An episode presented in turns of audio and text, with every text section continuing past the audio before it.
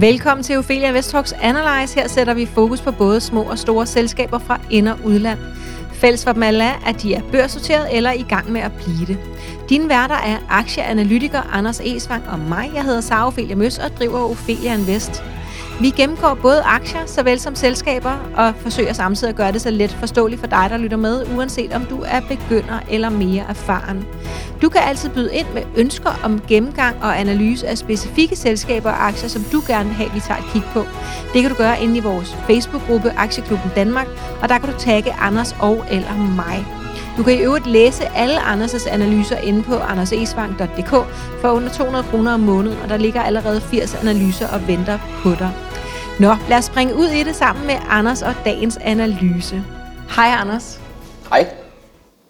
Vi skal jo snakke lidt om, øh, om nogle forskellige selskaber. I dag så er det Tesla, vi skal snakke om.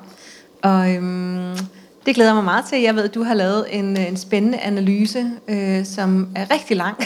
Sådan en som mig i hvert fald. Og jeg skal ærligt indrømme, at jeg ikke har læst den, så jeg håber jo, at, at du kan fortælle mig øh, det vigtigste, der øh, står i analysen. Men, øh, men alle andre, som, øh, som har lyst til at læse den, øh, der skal vi nok linke til, hvor det kan lade sig gøre. Og jeg, jeg er ret sikker på, at det er bag noget betalingsmur, ikke sandt?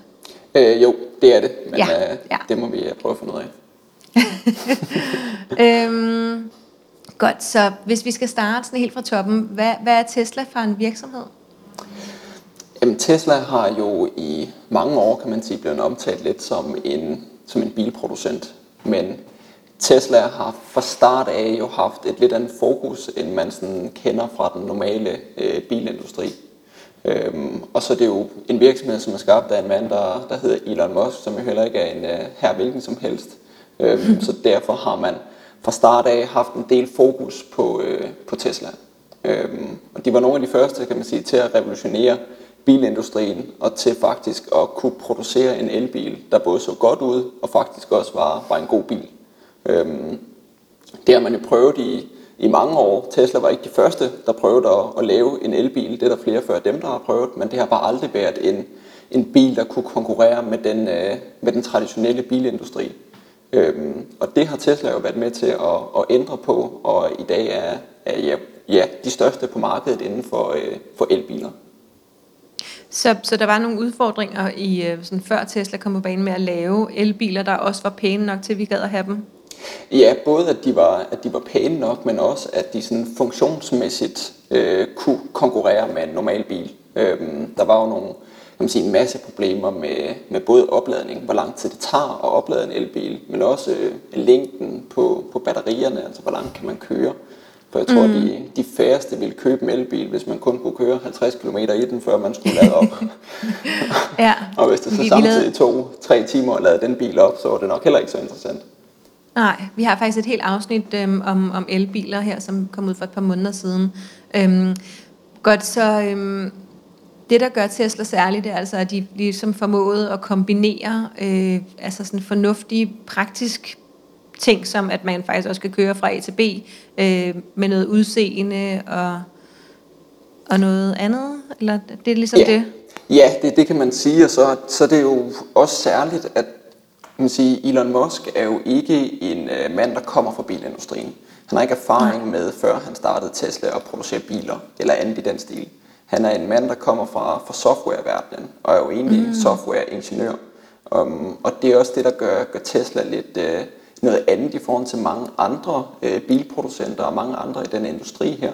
At det ikke er en virksomhed, som er skabt af mennesker fra industrien. Det er softwareingeniører, som har skabt en bilproducent. Så det bygger rigtig, rigtig meget på software og teknologi. Når man snakker Tesla og Elon Musk, så snakker man lige så meget software og teknologi, som man egentlig snakker biler. Biler, kan man sige, er jo egentlig bare deres produkt, som så er pakket ind i en masse software og en masse teknologi. Så jeg vil mere sige, at det, der gør Tesla særlig, er al deres teknologi bagved bilen, og det, der får bilen til at fungere, som den gør. Og så er det hele deres måde at, at strukturere virksomheden på, som også er meget anderledes, end man kender fra den normale bilindustri. Ja. Øhm, skal, vil du uddybe det med det samme, eller skal vi vende tilbage til det? Men det kan vi sagtens prøve at, at tage lidt med det samme. Øh, man kan sige, at i den normale bilindustri, der får rigtig mange bilproducenter, de får produceret deres dele fra alle mulige tredjeparts leverandører. Det vil sige, at en virksomhed som Ford for eksempel, de laver måske motoren, men til gengæld så får de produceret bremseklodser fra en leverandør mm. et andet sted. De får produceret og udviklet en software hos en helt anden leverandør. De får lavet karosseriet til bilen fra en helt tredje leverandør. Og sådan har de uddelegeret alle mulige forskellige opgaver, opgaver til faktisk at kunne producere bilen i sidste ende. Der har Elon Musk og Tesla har fra start af taget et helt andet fokus. De laver alt selv in-house, det vil sige, de udvikler alt software selv, helt fra bunden af. De udvikler alle delene selv, og de producerer alle delene selv. Det vil sige, at Tesla får ikke bremseklodser fra en leverandør, de laver selv deres bremseklodser. Tesla får ikke karosseriet fra en leverandør, de producerer selv karosseriet. Og det mm. gør, at de har nogle helt andre muligheder, hver gang der skal laves nogle ændringer. Ja. Hvis man får produceret en software på, hos en leverandør, eller måske endda har tre forskellige udviklere til at lave en software, der skal spille sammen, så er det rigtig svært at lave en opdatering, fordi man skal sørge for, at de tre forskellige udviklere også spiller sammen. Mm. Der har Tesla langt friere rammer, og de kan lave opdateringer langt hurtigere, fordi alt sker in-house. Så hvis der er noget, der ikke virker, så kan de ændre det in-house, og de kan opdatere det med det samme. Det er, noget så det er meget det, der... agilt? Hvad siger du? Det er meget så agilt, dynamisk måde at arbejde på? Ja, lige præcis. Det er, ja. det er en helt anden tankegang, end man sådan har haft tidligere i industrien. Og det er nok også det, der gør, at de adskiller sig meget, fordi at de tænker helt anderledes, end man normalt gør i den industri her. Ja, altså de, de kommer sådan baglæns ind i det. Ikke? De er softwareudviklere, der laver biler, og ikke bilproducenter, der laver biler. Ja, lige præcis. Elon ja. Musk er jo fra, fra det, man kalder The PayPal Mafia. Øhm, og det er jo, kan man sige, en ret vigtig pointe, når man snakker Tesla, at så snakker man også Elon Musk, og man taler om The PayPal Mafia. Det skal du nok uddybe øh, til alle os, der ikke ved, øh, hvad det betyder. Jamen, uh, The PayPal Mafia, det kalder man alle øh, de hovedpersoner, der var med til at skabe PayPal. Øh, fordi Elon Musk har faktisk været med til at forme den virksomhed, man i dag kender som PayPal. Han startede for, for mange år tilbage en, øh, en virksomhed til at starte med, der hed Zip2, som han solgte i 1999. Den tjente han lidt over 20 millioner dollar på. Og efter man sige, en lille pause, så begyndte han at skabe en anden virksomhed, der hed X.com, som var en betalingsløsning, man kunne bruge til at ja, betale over e-mail osv.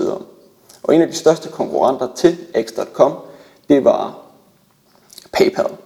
Og dem valgte Elon Musk og Peter Thiel og Max Levchin, der havde PayPal, de valgte så at slå sig sammen og skabe det her fælles PayPal. Øhm, okay. Og senere hen, så har man kaldt alle, der var hovedpersoner i PayPal for The PayPal Mafia. Fordi at, og hvad kendetegner, ja undskyld, hvad kendetegner dem? Jamen, det kendetegner, at der er kommet rigtig, rigtig mange virksomheder ud af de her hovedpersoner. Man siger, mm. Elon Musk er jo en af dem. Han har været med til at starte Tesla og SpaceX. Men udover det, så har andre personer fra The PayPal Mafia været med til at starte LinkedIn, Palantir Technologies, Affirm, Slide, YouTube, Yelp, Yammer, og de har været med til at finansiere virksomheder som Facebook, Reddit, Square og Zynga. Så der er kommet rigtig mange store virksomheder ud af The ja. PayPal Mafia. Det er nogle hårde, hårde typer. Ja, det, det, er, det er ja. nogle hårde typer, og de er, ja. de er vigtige at kende til, fordi at lige så snart, at der er en med i en virksomhed, som kommer fra PayPal, så er der en vis mm. kan man sige, autoritet over det, fordi det er altså nogle herrer, der, der kan finde ud af at skabe store virksomheder. Ja. Kan vi klassificere Tesla som en bilproducent overhovedet? Det, det kan man jo egentlig godt, fordi at de kan man sige, største del af deres omsætning, den kommer fra salg af biler. Men så stopper det også en lille smule der, fordi at hvis man skal klassificere Tesla som en bilproducent, så skal man jo nok sammenligne dem lidt med de bilproducenter, der ellers er. Mm. Og, og som vi har snakket lidt om, så er Tesla meget anderledes, fordi de producerer alt selv, og fordi der er så meget teknologi i det. Så jeg vil nok mere klassificere Tesla som en teknologivirksomhed, der producerer software, og som også producerer biler. Ja, så passer tallene måske også bedre? Ja, lige præcis. Så får man lidt bedre sammenligningsgrundlag. Og samtidig så er der jo mange andre ting i Tesla. De producerer jo også og udvikler selv batterier, solpaneler, solomformer og andre ting til uh, ligesom at styrke den her vedvarende energibølge, der ryger ind over os. Ja, hvorfor, øh, hvorfor er det Tesla er, er blevet så, øhm, man fristes til at sige hyped, fordi der er formentlig ikke mange øh, i den vestlige verden, der ikke kender Tesla som brand, øh, hvor at øh, jeg vil våge at påstå, at der vil være adskillige store bilproducenter, som, øh, som dele af os ikke kender. Det kunne være amerikanske bilproducenter, som europæer ikke kender omvendt. Øhm, men vi kender alle sammen Tesla, og, og det er jo fordi, de, nu har du selv fortalt, hvordan de er anderledes og så videre, men, men, men den, der er ligesom sådan en x-faktor ikke, på Tesla, sådan lidt øh, sådan et glamour, du ved, jo. lidt, lidt, øh, lidt glimmer. Kan du prøve at sætte nogle ord på det?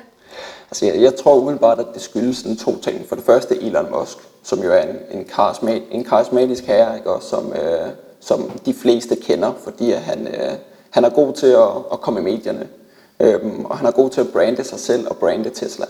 Og det er faktisk også en af deres helt klare markedsføringsstrategier, at øh, Tesla bruger ikke decideret penge på, på markedsføring og på salg. Tesla bruger penge på, øh, på branding, så de brander altså sig selv ved at bruge medierne. De bruger ikke penge på at lave markedsføring på den måde, men de har en strategi om at komme i medierne og på den måde komme ud. Og jeg tror, det er noget af det, der også har været med til at gøre, at de i dag har sådan lidt en, en x-faktor, fordi at vi kender dem fra medierne. Det er ikke en markedsføringskampagne, de har kørt på nettet, men de har, kan man sige, de, de har været gode til at komme i medierne, og de har Elon Musk, der går forrest, er kendt fra den her teknologiverden, og der er rigtig mange medier, der gerne vil skrive om Elon Musk. Ja, og, og, så, og så gør han jo også nogle lidt mystiske ting, som for eksempel, når han går ud og har en holdning til bitcoin, om de tager imod bitcoin, om de ikke gør, og så sker der alt muligt med, med Tesla-kursen. Øh, hvad, hvad er det, der foregår der? Ja, han er, han er inde over mange forskellige ting. Øh, man kan sige, at Elon Musk, han ejer jo også SpaceX, og han, han ejer så Tesla. Han har været inde over alle mulige andre forskellige virksomheder, så han er inde over rigtig mange forskellige ting. Og Bitcoin er han jo også inde over, fordi at han jo kommer fra den her PayPal-verden, som jo er en fintech-virksomhed. Og det er også det, der har gjort, at han er kommet lidt mere ind på Bitcoin, fordi at der jo er noget, kan man sige, finansielt i ham, som, som stadigvæk ligger der fra mm. den her PayPal-verden. Han har altid haft fokus på, hvordan man kunne, kunne optimere måden, vi, vi brugte penge på, og måden penge ligesom skiftede hænder, fordi det ikke var særlig effektivt. Så skabte de PayPal, det var mere effektivt, men ifølge ham selv er der jo stadigvæk andre måder, man kan gøre det endnu mere effektivt. Og her der kommer mm. blockchain og bitcoin og alt det ind over. Og det har han jo så ført ind i, i Tesla, at de lige pludselig valgte at tage imod betaling med bitcoin, og så stoppede de med det igen, fordi at ja. det faktisk krævede rigtig, rigtig meget energi at producere ja. de her bitcoins her. Øhm, så. Nå, så var det ikke så venligt alligevel. Altså, så det, det var ligesom sådan øh, uden for den bølge, de prøvede at være en del af. Ja, lige præcis. De havde jo, kan man sige, deres fokus er jo vedvarende energi og elbiler for ligesom at, at gøre noget godt for verden også. Øhm, så det, det tog lidt af, af toppen, at det krævede mm. så meget energi faktisk at ja. handle med bitcoins, og det var derfor, de ja. valgte at, at tage det ud igen. Ja. Øhm, lad os prøve at... Øhm, du har jo lavet en, øh, en meget omfattende analyse af Tesla.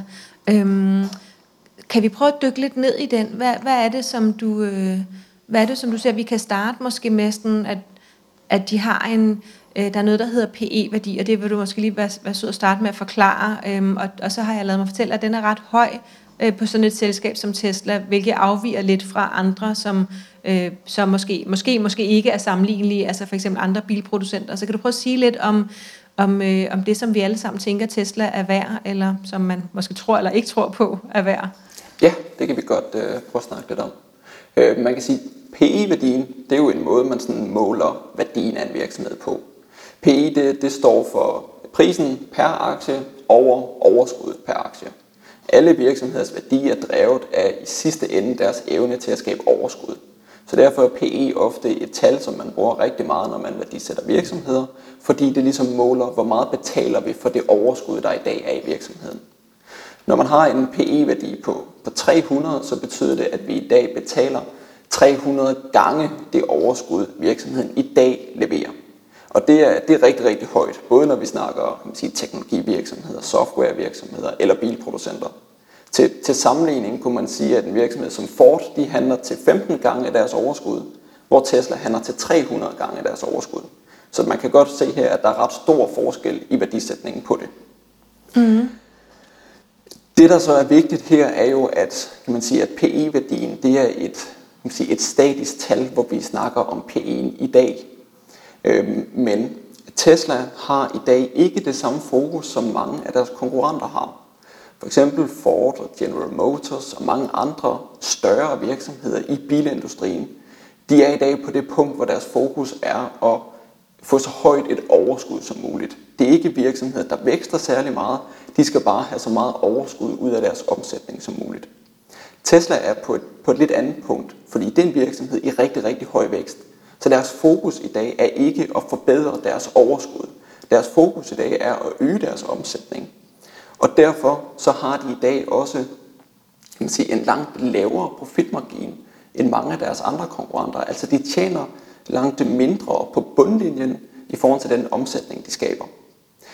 Men, og der er et stort men her, fordi at Tesla har i rigtig, rigtig mange år fokuseret på omkostningsreduktion. Så faktisk så producerer de deres biler billigere end mange af deres konkurrenter. Hvilket i sidste ende gerne skulle ende ud med, at de faktisk ender med højere profitmarginer end mange af deres konkurrenter. Så man har sådan lidt i dag, at Tesla handler til en høj værdisætning mål på overskud, men Teslas fokus i dag er ikke at skabe et højt overskud, det er at skabe en høj omsætning. Så derfor er det måske ikke den helt rette kan man sige, KPI at måle Tesla på. Og så skal du lige forklare, hvad KPI betyder også. Ja, det er kan man sige, nøgletal. Det er måske ikke det helt rigtige nøgletal at måle Teslas evne okay. til at skabe overskud, når deres fokus ikke er på i dag at skabe overskud. Nej. Øh, hvad vil være den, det, det rigtige nøgletal at kigge på øh, for at vurdere sådan en aktie som Tesla? Jeg tror, når man snakker Tesla, så skal man kigge lidt længere ud i fremtiden. Man skal kigge på, mm. hvad det er, de sådan reelt laver. Man sige, deres, deres helt store fordel er jo, at de har været de første på markedet. Øhm, så de har en first mover advantage. De har været der et stykke tid, og de har i dag en teknologi, som er noget foran deres konkurrenter. Og den teknologi den bliver bedre og bedre, jo flere Tesla-biler, der kommer på markedet, fordi de indhenter en masse data, hver gang der er en bil, der kører ud på vejene. Det vil sige, at hver gang de sælger en bil, så bliver deres software egentlig bedre og bedre af sig selv, fordi de er rigtig, rigtig dygtige til at bruge AI, machine learning, deep learning og alle mulige andre ting. Så derfor så vil værdien af Tesla formentlig vokse over tid, fordi de kommer længere og længere foran deres konkurrenter. Samtidig så ved vi også, at de har kan man sige, de her lavere produktionsomkostninger. Så i sidste ende, hvis vi går 10 år frem i tiden, så vil de formentlig ende med at have de højeste profitmarginer i branchen. Og bare ved at løfte deres profitmargin, så kunne de formentlig øge deres overskud med over 150 procent. Så der skal ikke så meget til, for at der stadigvæk kommer kæmpe vækst i selskabet. Og det er altså uden at regne kan man sige, omsætningsvækst ind i det. Så de kunne øge deres overskud med 150 procent ved bare at komme op på et normalt niveau i forhold til bilindustrien. Når du nu har siddet og lavet sådan en analyse her, hvad, hvad, hvad blev du mest overrasket over? Altså jeg tænker, du må øh, alt andet lige finde ud af nogle ting, som du ikke ved i forvejen, når du laver en analyse. Så, så hvad blev du mest overrasket over ved Tesla? Jeg blev mest overrasket over hele deres øh, fokus på at lave alt in-house. Jeg vidste godt, at det var kan man sige, en stærk softwarevirksomhed, fordi det var Elon Musk, der var med i den. Og han har bare haft en historie med at være god til at lave software. Men jeg blev overrasket over, at, øh, kan man sige, at de laver alt selv. Fordi det faktisk er noget af det, der giver dem en ret stor fordel. Det er, det er efter min optik en kæmpe fordel, når man laver alt in-house, i stedet for at have måske 100 forskellige samarbejdspartnere, man skal samarbejde med, når man skal have en ny bil på markedet. Det er derfor, Tesla også så hurtigt kan få nye produkter på markedet, mm. fordi de laver alt in-house selv. Og så blev jeg overrasket over, at de kan man sige, i mange år har haft det her fokus med at reducere deres omkostninger. Ja. Fordi det måske ikke er noget, man tænker så meget over, men Elon Musk har fra start af nærmest været sådan helt fokuseret på det her område, at hvis medarbejderne kommer og sagde, at de skulle lave noget nyt, som måske kostede 20.000 dollar, så har hans første svar været, at det måtte kun koste 10.000 dollar. Så han har altid været meget fokus på, at det skal være billigere, end vi tror, det kan lade sig gøre. Ja, så han presser, øh, presser altså produktionspriserne ned. Han presser hvis alt, hvad han udfordrer, kan. Øh, ja. Ja, sige, i, i hans optik er der aldrig noget, der hedder, at det ikke kan lade sig gøre. Hvis der er nogen, der, der siger i Tesla eller andre virksomheder, har, at det ikke kan lade sig gøre, jamen, så er de nok ikke i den virksomhed i særlig lang tid. Så han, alt er en mulighed for Elon Musk, og jeg tror også, det er det, der gør, at de er langt foran deres konkurrenter, fordi han ikke ser noget ikke kan lade sig gøre. Han ser det som en ja. udfordring, og så løser de det. Ja, Øhm, okay, så det var, det var noget af det, der overraskede. Hvad, hvad hvis du sådan, fordi at vi er jo mange, der har haft en holdning til Tesla, uden i virkeligheden at vide særlig meget om Tesla. Øh, jeg har en, en aversion imod alt, der bliver hypet. Du ved, så er jeg bare sådan, så er det ikke til mig. Du ved, jeg var meget modstander af CD'en, da den kom frem og blev ved med at holde fast i kassettebåndet. Du ved, og så måtte jeg jo overgive mig til sidst. Så jeg, jeg er meget last mover øh, og, og har en, en dyb aversion imod alt, der bliver hypet. Så jeg bryder mig selvfølgelig ikke om Tesla. Øhm, der var vel på et tidspunkt, hvor at, at der var mange, der synes, at det var lidt mystisk med den her øh, mærkelige... Øh, er han amerikaner? Ja. Ja, den her mærkelige amerikaner, som du ved, øh, øh, går ud og laver biler, øh, og det, det hele er meget højt værdisat, og det, du ved, kursen svinger meget, og hvad har de egentlig at have det i, og så videre. Men nu, når du fortæller, så kan jeg jo godt høre, at om det lyder da drøn smart, og jeg er da kæmpe fan af ikke at se begrænsninger og sådan noget.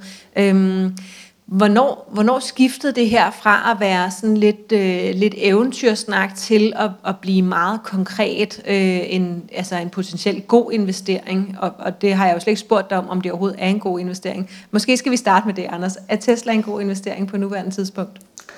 Altså lidt, lidt overraskende for mit eget vedkommende, fordi jeg kan også godt indrømme, at jeg ligesom dig måske fra start af har været sådan lidt, når noget bliver hypet, at så, så skal man nok passe på sine penge. Øhm, ja. Og det samme har jeg haft med Det skal Tesla. man også tit. ja, det, det skal man. Ja. Øhm, og det samme har jeg, har jeg haft med, med Tesla, at øh, når man handler til en PI på over 300, at, så er der formentlig noget hype i det. Det, mm. der sådan overrasker mig her, er, at det faktisk for mit synspunkt ikke virker urealistisk, at prisen er rigtig lige nu. Øhm, kan man sige, at virksomheden ikke er overvurderet. Til gengæld synes jeg heller ikke, at virksomheden er undervurderet. Og det er, det er ret svært at være undervurderet, når der er så mange øjne på en virksomhed som Tesla, mm. fordi der er så mange analytikere, der dækker dem, og de bliver snakket mm. om i alle kroge. Så det, det er ret sjældent, at en virksomhed som Tesla vil være markant undervurderet. Men, øh, men reelt synes jeg heller ikke, at de er overvurderet, fordi at hvis de egentlig bare følger markedets vækst, altså elbilsmarkedets vækst over de næste 10 år, jamen så vil de formentlig i sidste ende ende med også fortsætte at være markedsledere, og det vil deres nuværende værdisætning egentlig godt kunne holde til, at de følger den vækst. Så de skal ikke ja. overperforme markedet eller andet, for det egentlig er en, er en færre værdisætning. Okay, de skal bare gøre, øh, øh, holde snuden i sporet, fortsæt.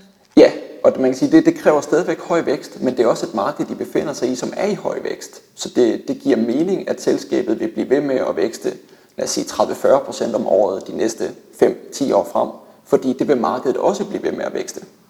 Mm. Jeg, jeg sidder her og kigger på, øh, på, på den meget øh, omfattende og, og fine analyse, du har på din hjemmeside. Øhm, og der kan jeg se nogle, øh, nogle tal op i toppen. Øh, der er noget med noget omsætning og noget EBITDA, som jeg aldrig er helt sikker på, hvad det betyder. Du ved, noget overskud og så videre. Øhm, og så kan jeg se, at der, du ved, de ligesom siger, at de melder noget ud, så der kommer en eller anden forventning, og så er det så, om de møder de forventninger. Så, så sådan generelt set, er, er Tesla gode til at gøre det, som de siger, de vil gøre?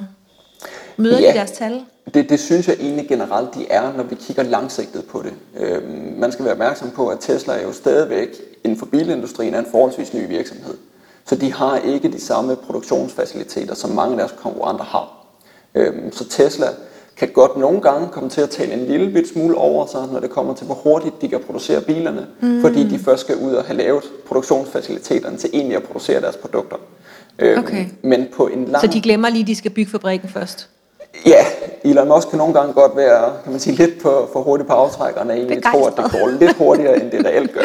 Øhm, yeah. Men i sidste ende, så ender de typisk med på lang sigt at faktisk performe rigtig, rigtig flot.